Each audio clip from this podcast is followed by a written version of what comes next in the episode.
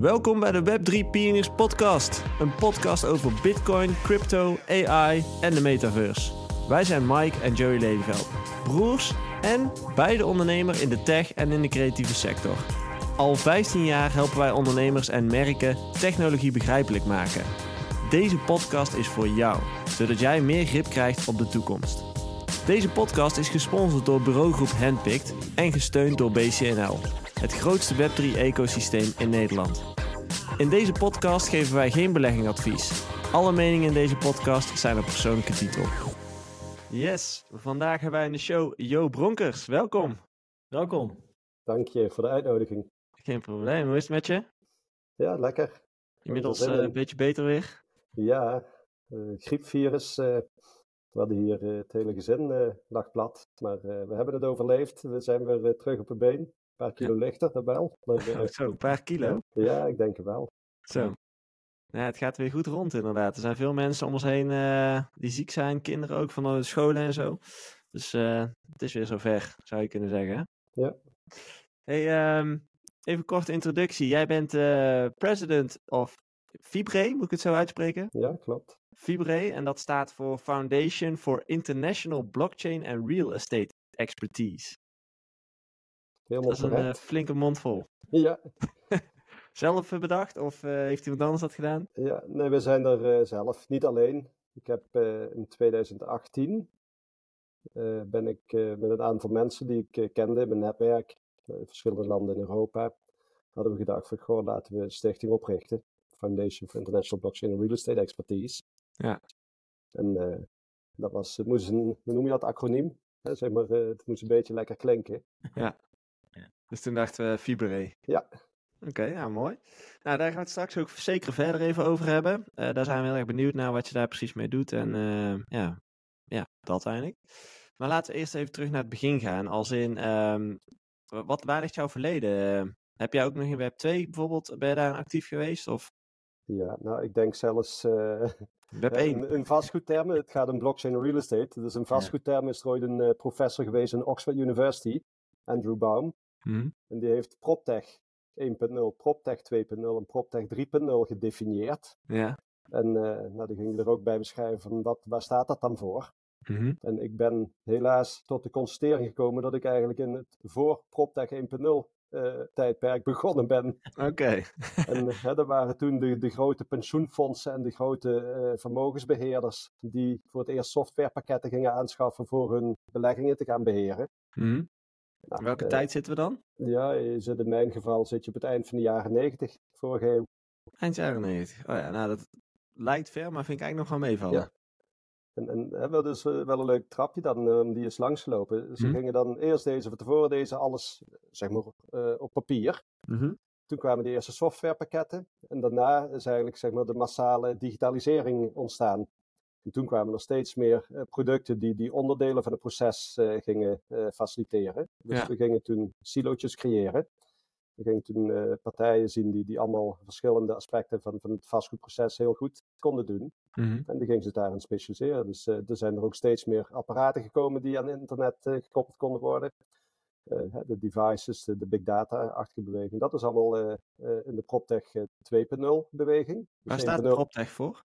Property technology. Dus property voor vastgoed en technology, de combinatie van vastgoed met technologie. Mhm.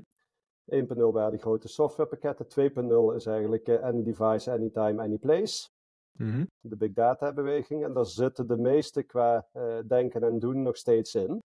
En eigenlijk zie je sinds 2015 dat ook die, die PropTech 3.0, en dat is eigenlijk van als nou die data op een bepaalde kwaliteit zijn, dan kun je er ook eh, geavanceerde technologieën op los gaan laten. Hè? En daar hoort dan augmented reality of daar hoort artificial intelligence, maar er Ja. hoort ook blockchain technologie. En eigenlijk technologieën die je kunt inzetten om te processen wat je in PropTech 2.0 al had, Ja. om die eigenlijk een, soort eh, boost van additionele value te kunnen geven. Oké. En waar, waar zat de- eerste keer dat jij met Web3 in aanraking kwam? Dat je dacht van, hé, hey, dit is eigenlijk best wel handig. Ehm, nou, Web3, eh, eigenlijk is het best wel ook. eh, ik, ik heb in mijn achtergrond is niks met technologie. Mijn achtergrond, ik heb de TU bouwkunde gedaan. Mhm. Dus Hm. ik heb stenen en staal en hout, dat waren mijn vakken. Constructief ontwerpen en economie van gebouwen. Daar ben, dat is eigenlijk mijn achtergrond. Dus ik had niet eh, zoveel met digitalisering, maar gaandeweg in mijn carrière heb ik bij verschillende banken gewerkt. Met name daar heb ik eh, steeds meer van die digitaliseringsprocessen meegemaakt. Mhm. Dus dan zie je dat data er zijn, dat, de data, dat je met data inzichten kunt creëren en dat je die inzichten kunt gebruiken voor processen te ondersteunen. Alleen zeg maar, het bewustzijn Web 3, hè, dat je in decentrale omgevingen ook iets met data kunt, dat is eigenlijk pas heel laat gekomen. Ik denk dat dat eh, voor mij in 2015 of zo pas eh, ontstaan is. Dat, is, eh, dat is nog best snel hoor. Ja? Ja, dat is nog best vroeg. De meeste die wij spreken zitten op 2017 of zo. Mhm. 2018, 19, Ja. zoiets. Dus je was er nog vroeg bij. Het had ook te maken met een van de projecten die we bij de Rabobank deden. Hè, We hadden net de financiële crisis achter de rug. Mhm. En in de financiële crisis eh, waren met name zeg maar, de hypothekenportefeuilles wat problemen hebben veroorzaakt bij banken wereldwijd. Mhm. En de periode voorafgaand werden banken gevraagd om stresstestrapporten aan te leveren bij toezichthouders. En dan had je altijd zo'n vast scenario. Wat gebeurt er met de solvabiliteit van de bank als de, de, de hypothekenmarkten onderuit gaan? Mhm. Nou, al die stresstestrapporten kwamen altijd naar boven. Dat kunnen wij hebben. Nou was het zover. En ik geloof op de Rabobank na dat ze allemaal aan het infuus bij de overheid hebben gelegen. Hm. Dus de toezichthouders hebben na afloop gezegd: van, jullie met je stresstestrapporten, stresstestrapporten, beste banken. eh, eigenlijk vertrouwen we dat niet meer wat erin staat, want het is gebleken dat het niet eh, helemaal waarheid is. Dus eigenlijk Dus vertrouwen we de data nu moeten niet. jullie de data op transactieniveau gaan aanleveren. Lever maar een set data. En by the way, niet alleen de goede data. Laat ons zien dat je alle data, dat doen wij wel, die assessment. Mhm. Nou, toen eh, begon er een traject binnen de Rabobank, waarbij eh, wereldwijd alle afdelingen betrokken werden. Maar er werd ook vanuit de innovatieafdeling werd, eh, mensen afgevaardigd. En een van de vraagstukken was van hoe gaan wij nou laten zien dat we niet alleen de goede data, maar alle data aanleveren bij die toezichthouders. Nou, en vanuit innovatie werd toen in één keer over blockchain technologie gesproken. Oké, en dit was Dat is- 2015. Dat is, ik denk in die periode is dat geweest. Ja. Wat wel, wat wel interessant hieraan is, is, is ik doe de aanname dat ehm, veel mensen die wij spreken, die, wij zeggen wel eens van ze komen voor het geld en ze blijven voor de technologie. En daarom zie je dat veel mensen, denk ik in 2016, 17, een beetje met deze space eh, in aanraking zijn gekomen. Omdat er toen, tijdens die ICO-boom, werd er heel veel geld verdiend. Dus veel mensen kwamen in eerste instantie voor speculatie en uiteindelijk zagen ze de, de technologie en vonden ze dat interessant en bleven ze. Maar als ik het van jou zo hoor, dan.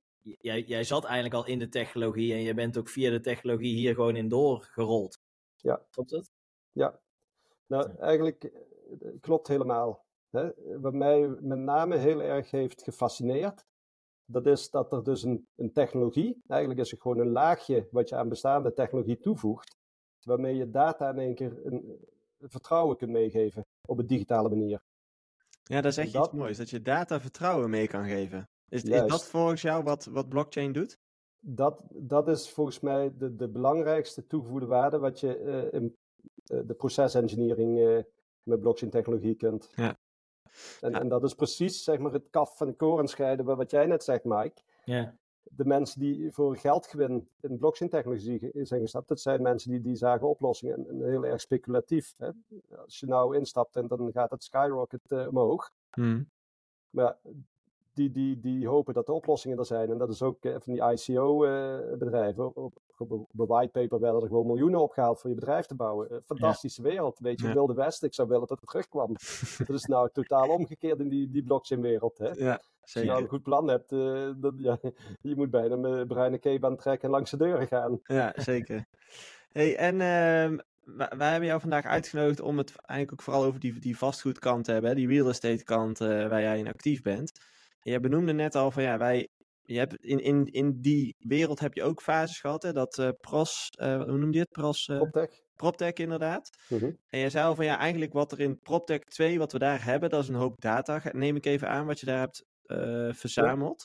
En heb ik het dan goed als ik zeg een funda? Een funda heeft enorm veel data, lijkt mij, over de Ja. vastgoedmarkt. Ja, ja, dat is wat je in die periode allemaal hebt zien ontstaan. Ja, en die funda data, die doe ik even een aanname, die liggen nou in de cloud of zo, of die hangen ergens eh, bij, een, bij een centrale partij.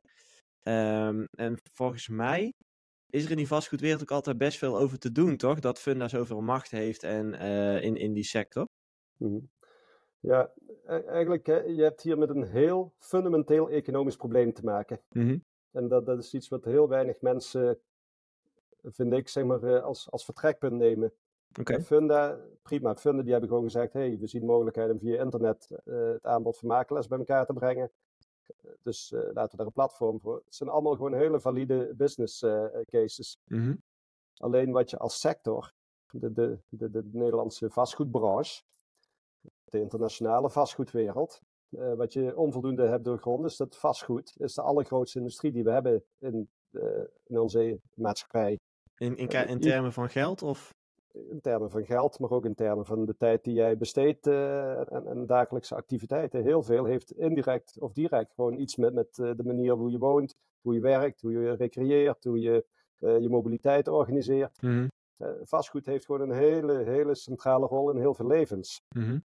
Nou, het is, daarnaast is het zeg maar iets wat niet liquide is. Hè, dat wil zeggen, van, het vraagt grote investeringen die je niet meteen daaruit kan krijgen dat betekent dat er heel veel partijen met jou meekijken. Een investering in vastgoed betekent eigenlijk dat je uh, geld, een grote som geld, voor een bepaalde periode ergens in gaat stallen. Mm -hmm. wat, wat je hoopt ooit weer een keer eruit te halen. Dus om, welke risico's loop je daar dan mee? Dan, dan ga je gewoon kijken van wat, wat voor type onroerend goed, wat is de locatie, uh, hoe is het qua onderhoudsintensiteit, hoe kan ik hem verhuren als, uh, als mijn eerste huurder niet. Dus komen een hele hoop risicovraagstukken komen naar boven, waardoor je marktcijfers nodig hebt. Mm -hmm. En al die informatie, die wil je eigenlijk transparant, gebundeld, op een vertrouwende, ja, op een manier dat de datasets te vertrouwen zijn, ja. die wil je kunnen aanleveren. Wat je dus ziet, we hebben steeds meer data zijn we gaan produceren. Vroeger was dat, uh, het is achterkant van de sigarendoos, zoveel keer de huur, dat was de waarde van een pand. Maar nu zien we steeds meer uh, data die zijn ontwikkeld door dat soort platformen. En die kun je gaan betrekken. Doordat je historische reeksen hebt, kun je daar ja. iets mee gaan doen.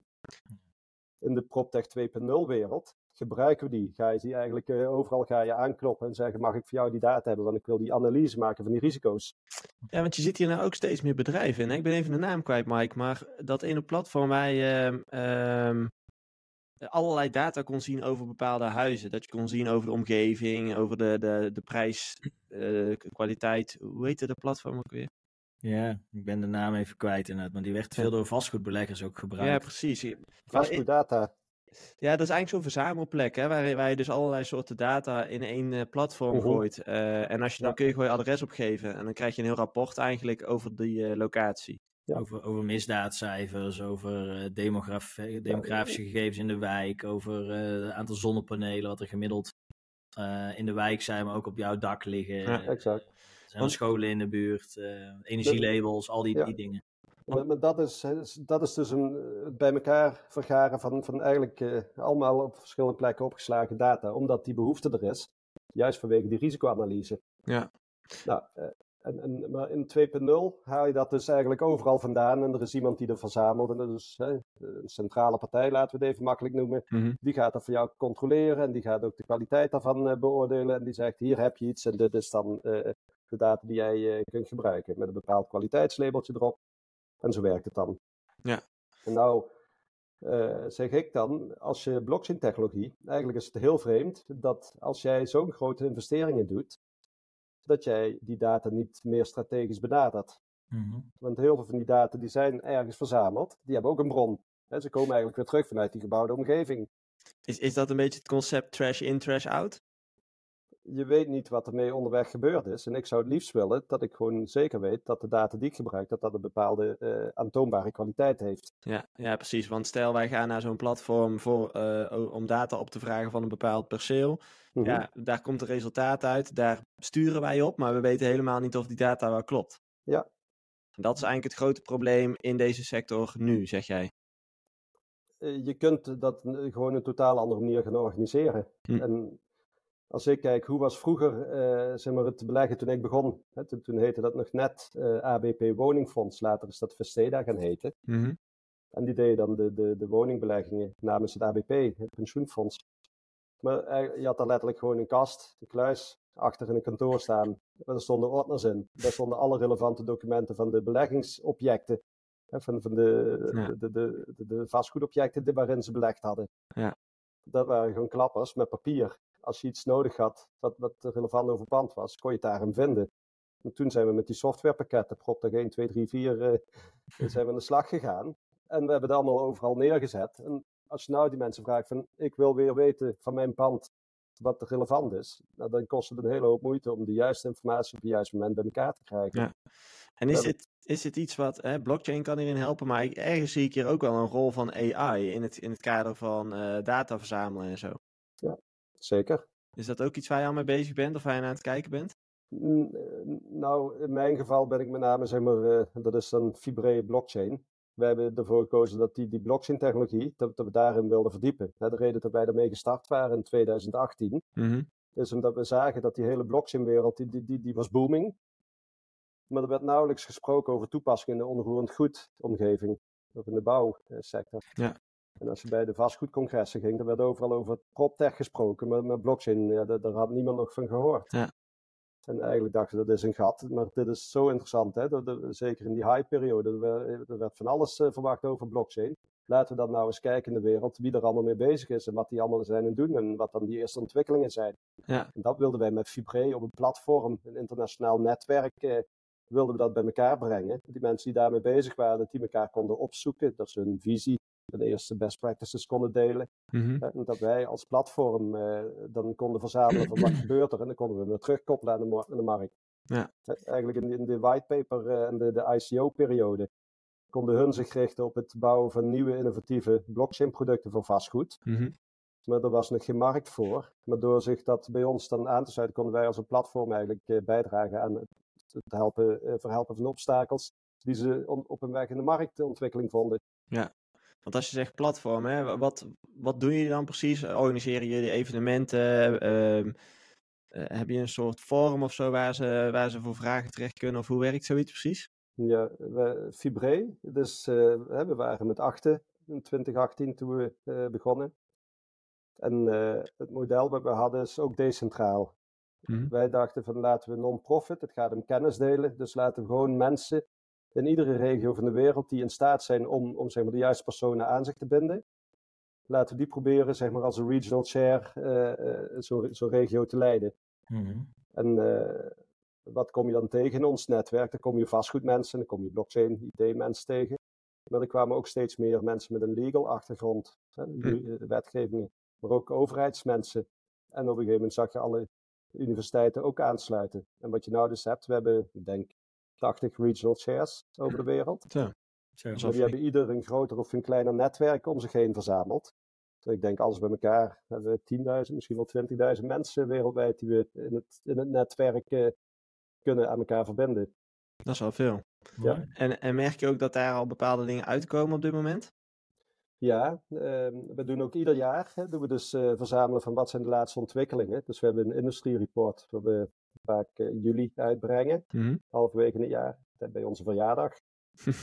mm. En daar, daar doen we onderzoek. We laten uh, artikelen schrijven door, door de mensen die voorop zijn. Van waar zijn je dan mee bezig? Wat zijn die obstakels? Nou, dat wordt erin gedeeld. Maar we kijken ook uh, uh, het tweede deel van wat is nou de stand van zaken van digitalisering van de vastgoedmarkt. Mm-hmm. Van meer in het land in het algemeen. Niet ieder land loopt er net zo ver als dat wij in Nederland zijn. Ja. Hoe, het derde wat we doen zijn de productendatabase. wat zijn dan de producten? Nou, en, en dat is heel mooi. Dan zie je, zegt de Gartner Hype Cycle je iets. Ja. Ja. Ja, dus je ziet echt dat een nieuwe innovatie, een nieuwe technologie, dat die een bepaald patroon doorloopt. Mm-hmm. Wij zijn dus 2019 begonnen. We hebben het nou vijf keer uitgebracht. Je ziet dat je eerst helemaal naar beneden kukelt. De Truth Disillusionment in. Ja.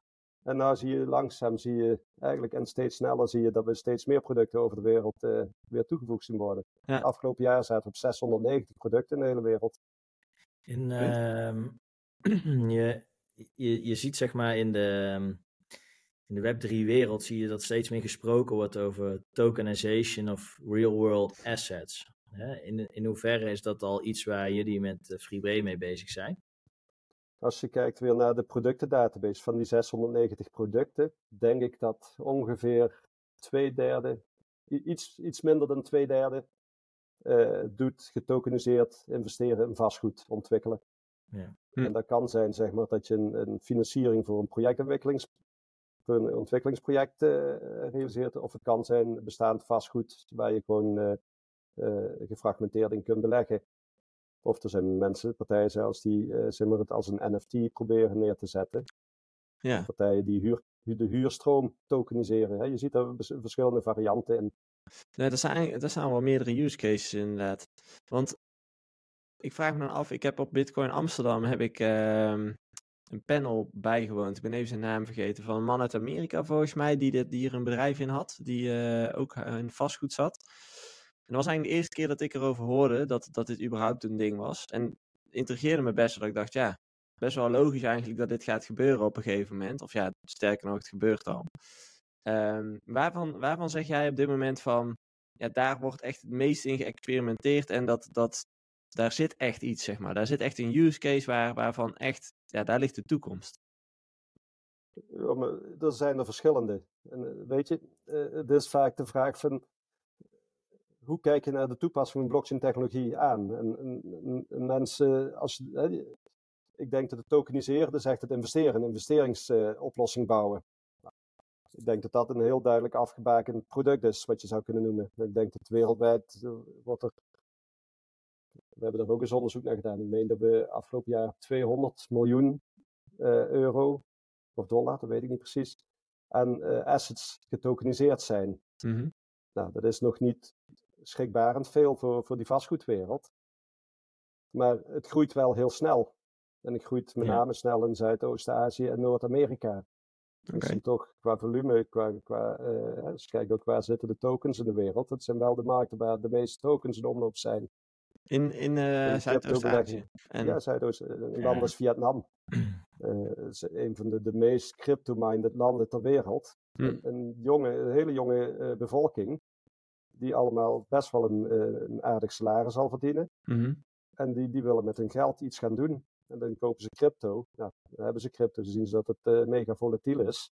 Het is uh, ook weer risicovol om daar te veel geld in te zetten. Dus dan gaan ze op zoek, kan ik die crypto niet ergens uh, investeren waar het een soort safe haven voor me oplevert. Mm -hmm. Nou, en als je gaat in safe haven oplossingen voor crypto beleggers, is vastgoed de nummer één asset, real world asset in de wereld. Mm -hmm. En er zijn wat experimenten gedaan met kunst of met exclusieve sieraden of maar, maar, dat is qua, qua zekerheid, maar ook qua, qua markt, denk ik, loopt het heel ver achter met vastgoed wat getokeniseerd wordt. Ja, en ik denk ook, hè, dus doordat het getokeniseerd wordt, kun je het ook fractionaliseren, wat je net ook al zei. Dus je, je kunt ook makkelijker een deeltje kopen. Dus het, het wordt ook ja. veel toegankelijker voor minder vermogende mensen om toch mee te beleggen, te investeren in deze investeringsklasse. Want ja, voorheen moest je bewijzen van een heel huis kopen. En nu kun je ook uh, een honderdduizendste deel van een huis kopen, ik noem maar wat, toch? Ja, nou, en, en dat vind ik dus, hè, dat, dat vind, daarom noemde ik ook Vietnam, ja. de jonge bevolking. Dus eigenlijk ook een, een totaal nieuwe uh, doelgroep, waar het gaat om beleggen in onroerend goed. Het zijn niet de mensen die met grote volumes in één keer, zeg maar, hele aandelenpakketten kopen in, uh, in vastgoedfondsen. Maar die gewoon, wat, precies wat je zegt, met kleine tickets kunnen instappen. En dit best wel interessant vinden. Want ze zien om zich heen dat er veel mensen heel veel welvaart hebben verworven door een vastgoed te gaan beleggen. Ja. En dat wil iedereen wel. In, in, hoever, in hoeverre, want daar ben ik nog wel nieuwsgierig naar, omdat ik nooit eigenlijk zo diep uh, de, de, de konijnenhol ingegaan ben. um, hè, maar je had het erover van, we komen uit een fase waarin al die datastromen samen moeten komen. We hadden het er net ook al even over van, er is eigenlijk heel veel data wat je kan combineren. Uh -huh. Begrijp ik dan goed dat we nu al in een situatie zijn? Of is dat een, een situatie waar we naartoe gaan? Dat stel jij wil als Vietnamees investeren in een vastgoed, dat je dus ook echt gewoon erop kan vertrouwen dat het pand er staat, dat het eigendom bij jou ligt, dat er een positieve huurstroom is, dat het een, een bepaald energielabel heeft. Die, die, die data, die bronnen en ook mhm. die, die data-integriteit, noem het even, is dat al op orde in, in dat soort landen of is het ook nog steeds wel gewoon under construction, om het zo maar te zeggen? Uh, ik denk als je, hè, maar dan kijk ik ook weer verder in de historie terug. Van al die 690 producten, dan die twee derde die wij nou zien en wat je ook in het verleden zag. Uh, ik denk dat mm, 80, 90 procent zit in een proof of concept fase. Mm -hmm. Dus die hebben een idee en die zijn naar buiten gekomen.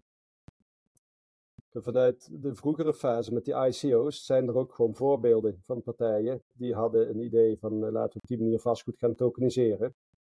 En die hadden daar niet uh, de goede bedoelingen bij. En er is het ook fout gegaan. Hè, de mensen die daar in die ICO geld hadden geïnvesteerd, die hebben gezien dat, uh, dat in één keer niet meer gehandeld werd. Of dat, uh, dat de onderliggende waarde verdwenen was. die voorbeelden zijn er helaas ook geweest. En dat, ja. dat zijn ook de voorbeelden wat, wat, dit, wat het imago negatief beïnvloedt. Ja. Maar uh, ik denk dat het gewoon ook hoort bij, bij ja, het, het wilde westen van uh, iedereen springt erop en iedereen ziet mogelijkheden om geld. Dus ook iedereen met verkeerde bedoelingen ziet dat ook. Het, het, het is gewoon inherent een, een systeem waarin we met elkaar samenleven. Ja. Uh, ja, we hebben dan net even dat, dat fractionaliseren bekeken, hè? maar jij noemde net ook uh, een voorbeeld van die huur. Um, ik ben even kwijt hoe je het noemde. Tokeniseren van huur. Ja, hoe werkt dat dan precies? Wat hier, eh, eigenlijk ik vind het een van de meest innovatieve bedrijven in ons netwerk, die hebben gezegd, uh, waarom meet vastgoed zijn waarde aan? Dat is eigenlijk, hè, als het taxateur naar vastgoed kijkt, beleggingsvastgoed, dan gaat hij kijken van waar komt de huur vandaan? Hoe groot is die huursom? Uh, tien keer de huur is de waarde. Mm -hmm. Nou, als dus uh, vastgoed, als dat gaat verhandelen, de waarde die een taxateur vaststelt, waarom doe je niet meteen de huurstroom vastleggen? Dat je dat gaat tokeniseren. Dus dat je eigenlijk, zoals het nu dan gebeurt, is dat hè, er wordt een huurprijs bepaald. Mm -hmm. Eigenlijk uh, nou, niet per se natte vingerwerk op dit moment, maar misschien wat hoger dan wat eigenlijk de bedoeling zou zijn. Um, en dat wordt elk jaar ook weer geïndexeerd. Dat zou je ook kunnen automatiseren, ja. vast kunnen leggen. Ja. Dus al dat soort dingen zou je dan in een smart contract of zo kunnen zetten.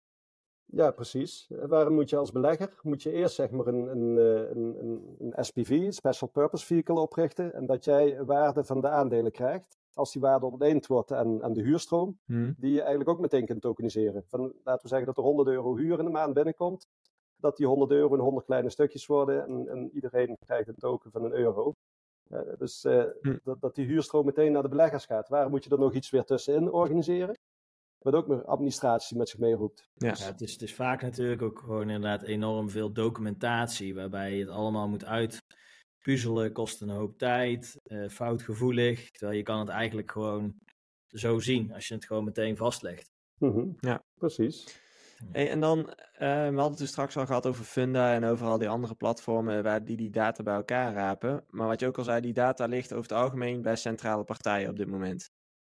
Um... Je datamonopolisten. Nou, je ziet eigenlijk de afgelopen jaren zijn er gewoon verschillende uh, datamonopolisten. In het algemeen uh, heb je die, die, wat zijn het, de Apple, de Google, de, de Facebooks. Mm -hmm. ken, daar, daar, komen steeds meer data bij elkaar en er worden gewoon hele machtige bedrijven. Ja. Nou, als je meer in die vastgoedwereld uh, inzoomt, heb je ook dat soort bewegingen gezien. Je hebt er bepaalde datamonopolisten. Wie zijn dat? Kadaster of zo? Zou je Nederland, ik, misschien kun je Nederland kadaster, maar, maar meer internationaal heb je partijen ja, die, die, die voor de beleggingswereld uh, data verzameld hebben. Hm. En die dus ook andere datapartijen weer opgekocht hebben en samengevoegd. Ja. En daarmee op een hele grote berg uh, informatie zitten, die eigenlijk afkomstig is van al die beleggers. Hm. En die beleggers, hè, die, die zeggen nou ook van ja, maar uh, het zijn eigenlijk onze data. Zegt de datalid, nee, het zijn onze data. En daar willen ze onderzoek doen. We hebben steeds meer data, dus je wilt ook fundamenteel onderzoek gaan doen van hoe kunnen we met die nieuwe data ons modellen, risicomodellen verbeteren. Ja. Nou, dan hebben ze weer uh, dummies of uh, uh, sets vanuit die data nodig. En dan zeggen die dataleveranciers, ja, betaal er maar voor. Ja, maar het zijn onze data. Nee, het zijn onze data. Ja. Dat levert eigenlijk een situatie op waarin die markt eigenlijk niet terecht wil komen. Want die markt wil eigenlijk kijken van hoe kunnen we ermee verder gaan. Ja. Er is nog geen oplossing. Maar je ziet dus eigenlijk, doordat we steeds meer data hebben, dat er ook, noem maar even, conflicten ontstaan. En, en, die schuring heb je misschien wel nodig om dadelijk uh, ook die, die, die klap naar die PropTech 3.0 door te gaan maken. Ja, om de vraag te creëren eigenlijk. Ja. ja. Want is het zo dat de, de oplossingen waar jullie dan nu mee bezig zijn, zijn die wel gedecentraliseerd? Um, niet altijd. Mm -hmm. Weet je, uh, dat is weer blockchain technologie. Het is niet één oplossing, hè? het is een technologie. Mm -hmm. Ik zeg altijd, uh, uh, als, als jij blockchain technologie begrijpt, kun je aan data een laagje vertrouwen toegeven. Maar je gaat eigenlijk een, een business case bouwen met data. 80% van je business case heeft totaal niks met, uh, met decentraal nog te maken. met blockchain technologie. Het gaat eerst van wie zijn, wat zijn de processen, wie zijn de actoren, welke rollen hebben die erbij, wat mogen die met die data doen. Dat moet je eerst heel goed opzetten. Dan kun je ieder vastgoed businessproces kun je opzetten. Mhm. Vervolgens komt de vraag van, hé, hey, maar wat als je gaat samenwerken en uitwisselen met die data, hoe kan iedereen vertrouwen dat hij ook de juiste data heeft? Nou, en dan is het ook nog, als, dat, als daar contractuele verplichtingen aan verbonden zijn, dan is het ook relevant om dat echt goed vast te leggen. Mhm. Het heeft niet altijd zin om data maar een laagje Mhm. vertrouwen mee te geven. Maar, maar dan komt in één keer naar boven, hé, hey, er zijn dus bepaalde onderdelen waar je eh, dat wel kunt doen. En dan is de vraag van hoe kunnen we dat doen? Moet je dan iemand laten controleren, valideren of kun je daar een blockchain technologie voor inzetten? Ja. Dan pas komt het vraagstuk van waar ga je decentraliseren? Ja. En dat wil dus niet per definitie zeggen dat alle oplossingen decentrale oplossingen zijn in onze wereld. Maar er zitten misschien wel elementjes in waarbij die technologie wel eh, waarde toevoegt door het juist met technologie in plaats van een, een centrale eh, oplossing te doen. Zie je, zie je eigenlijk al eh, partijen die zich verzetten tegen die eh, beweging van decentralisatie? Of, of wordt het wel omarmd? Want ik zie in, in best wel veel industrieën, zag je in het begin ook, hè, de, de, bijvoorbeeld met complexe supply chains of zo, zie je Mhm. eigenlijk de, eh, het verlangen om data te kunnen delen. En uiteindelijk wil je dat inderdaad kunnen vertrouwen. En veel van die partijen zijn wel met blockchain aan de slag gegaan. Maar wel eigenlijk op een, op een permissioned manier. Hè? Dus op, die Mhm. hebben een eigen blockchain-omgeving opgezet. Ja. Die hebben daar een aantal stakeholders bij gezocht, een paar grote marktpartijen. En die hebben gezegd van nou, wij, wij vormen eigenlijk samen zo'n netwerk. Ja. Ehm, maar dat staat natuurlijk een beetje haaks op de, de Web3-gedachte van gedecentraliseerde permissionless blockchains.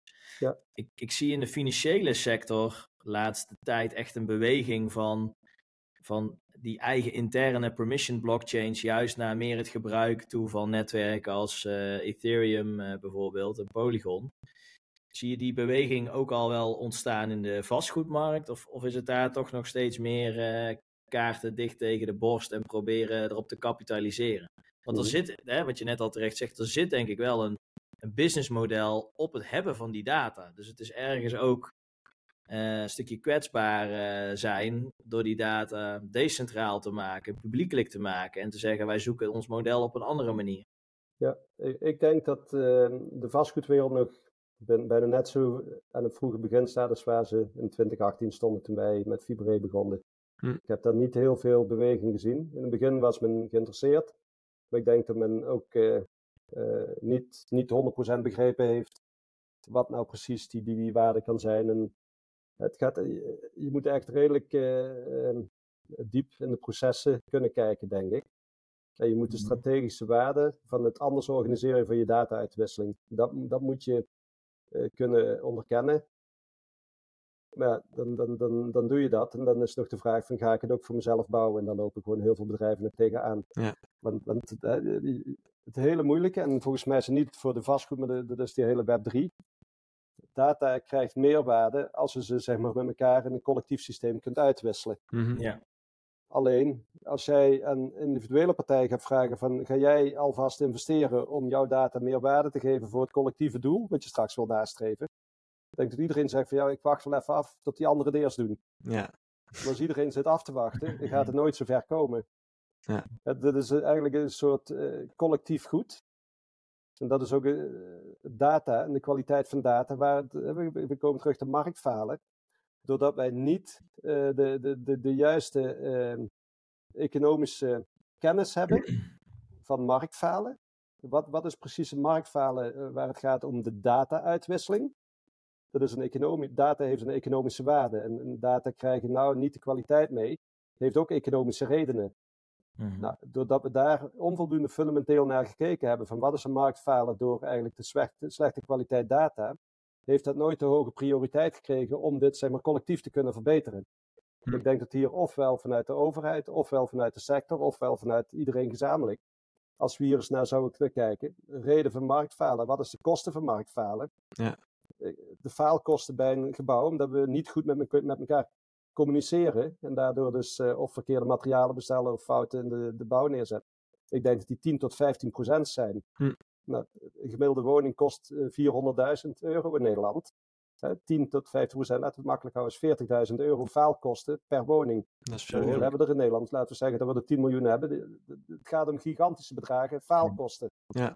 Ja, we en- zien het niet omdat we er zo vertrouwd mee zijn. En we lossen, gaan dus ook niks oplossen omdat ik het doe en de rest doet het niet. Dan, dan investeer ik, maar verdien ik er niks aan. En dat is een heel, heel weerbastig eh, eh, dilemma.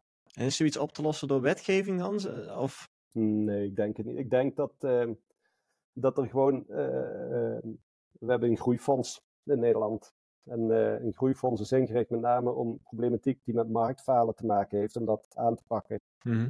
Ik denk dat we gewoon als sector een keer zouden moeten zeggen van goh, we hebben het nou gekeken, we vonden het interessant, we begrijpen het niet, we gaan verder met onze business. Ik denk van, eh, we zien steeds meer toch vanuit de financiële sector dat men het toch wel interessant vindt. Mhm. Wij moeten gewoon opstaan en zeggen, jongen, eh, we Nou. gaan het gewoon een keer eh, bij de horens vatten. We gaan hier fundamenteel naar kijken en we gaan vanuit een fundamentele benadering gaan we dit eh, opbouwen. Het is educatie eigenlijk. Nou, ik, ik, Educatie, ja, wat, wat bij mij ook al blijft hangen, maar het, het is natuurlijk niet mijn eh, domein van expertise of zo. Maar wat ik uit die financiële hoek wel heel erg zie, is eh, er is enorm veel efficiëntie. Dus dan heb je het eh, kostenbesparing ook te maken. Hè? Dus je had het over faalkosten, dat is natuurlijk een potentiële mhm, ehm, kostenbesparing.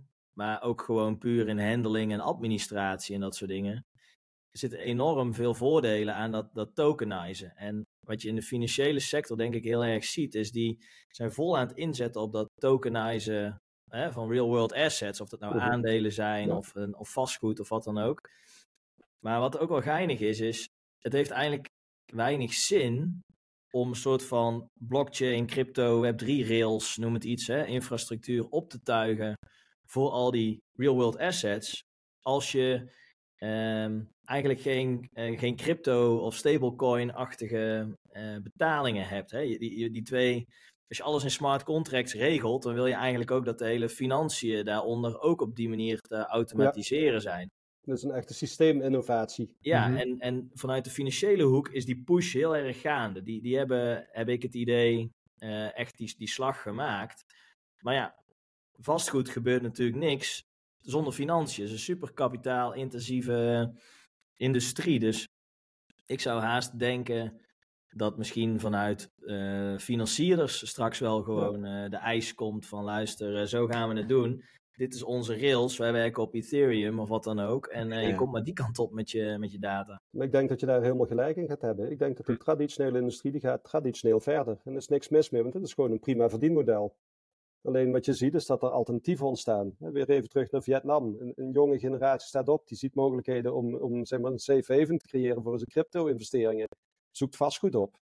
Nou, de traditionele industrie blijft gewoon vastgoed in beleggen zoals ze doen. Alleen er komt een nieuwe markt naast. Hm.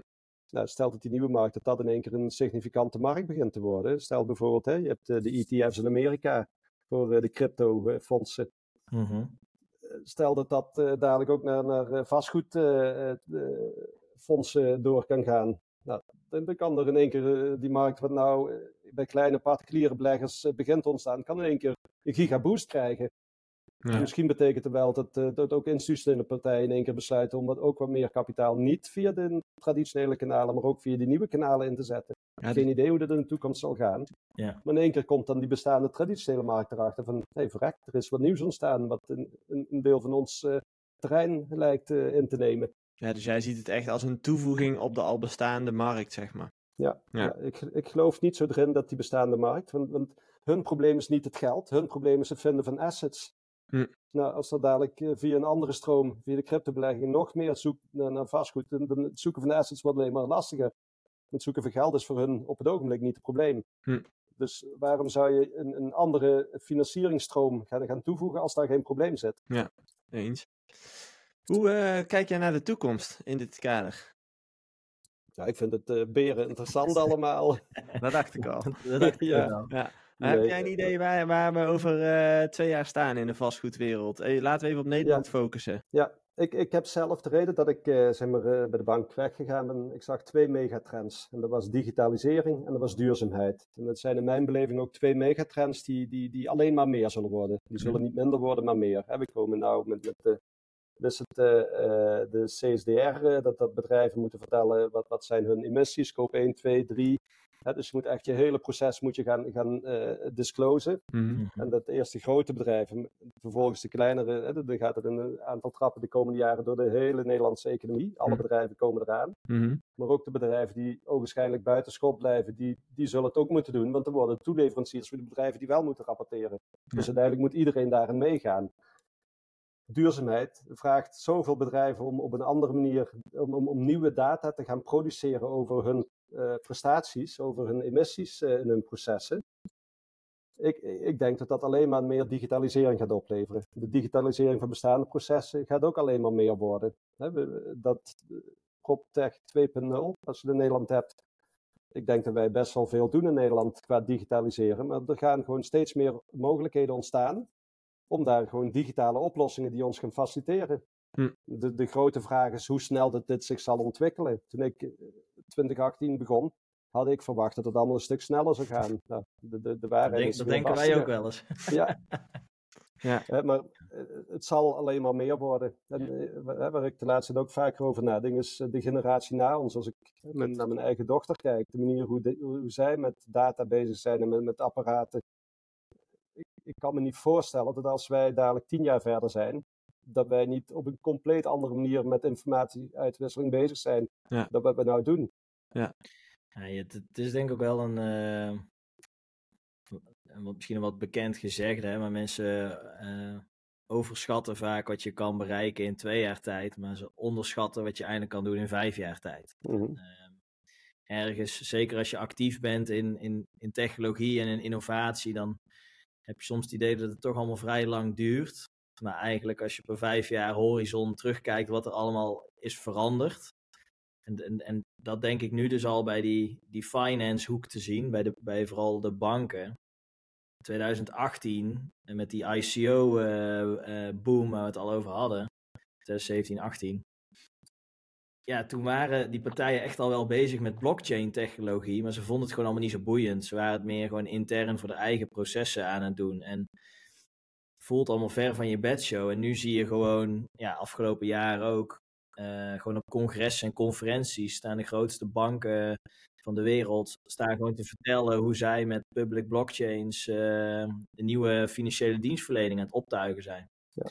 Dat is echt gewoon een eh 180 graden koersdraai eigenlijk in een relatief korte tijd. Ja, en, en, en- en dat- hè, eigenlijk, ik wil ook nog wel een winstwaarschuwing naar Nederland afgeven. Dat is altijd leuk. Want ehm, eh, we hadden net over Zuidoost-Azië, Midden-Oosten hoort daar ook bij, maar, maar Noord-Amerika, dat zijn de regio's, als, als ik bij ons kijk, eh, waar, waar de, de, de groei vooral plaatsvindt. Mhm. In Nederland, wij deden het heel goed in het begin, we liepen voorop. Maar eh, als je kijkt, we zijn stil blijven staan. Eh, We, we vonden het interessant, eh, maar, maar we hebben eigenlijk hier in Nederland steeds minder producten, blockchain en vastgoed. En de interesse is er wel. Alleen ik zie start-ups steeds meer ook hun, hun heil zoeken in het buitenland. Waar het blijkbaar dus makkelijker is om te innoveren. Dat heeft ook En- met wetgeving te maken, denk ik, hè? Nou, ik, ik hoor het ook om mij heen. Dat, eh, dat, dat de landen om ons heen. Hè, dat die Engeland, waar ik zelf ook eh, regelmatig actief ben. Die hebben eh, wetgeving. Die faciliteren investeerders.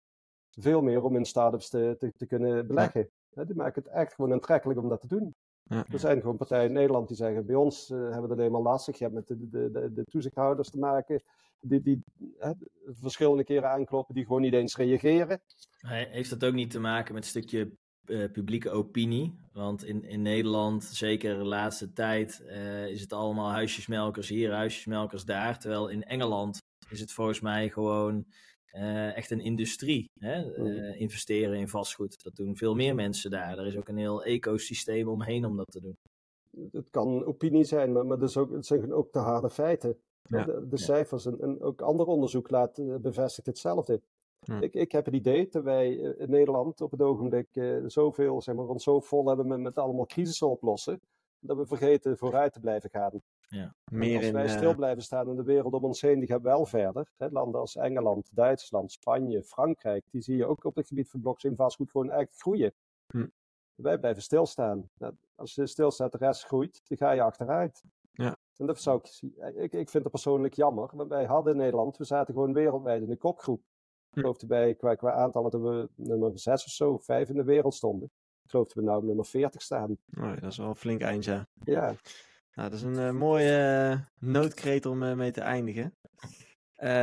ik wil jou in ieder geval hartstikke bedanken voor je tijd en voor je, voor je verhaal. Het, was een, het is een hele nieuwe wereld voor mij in ieder geval, om, om dat eens te bekijken. Maar wel, ja, klinkt heel logisch. Ik denk dat het echt wel toekomst heeft, zeker. Dus wij zien jou graag nog een keer terug als jij ervoor open staat om hier eens verder over te praten hoe de, de, de status dan is hè, over een tijd. Ja, we moeten geduld hebben. Ja, dit gaat tijd kosten, maar daar zijn Mike en ik in ieder geval inmiddels bekend mee.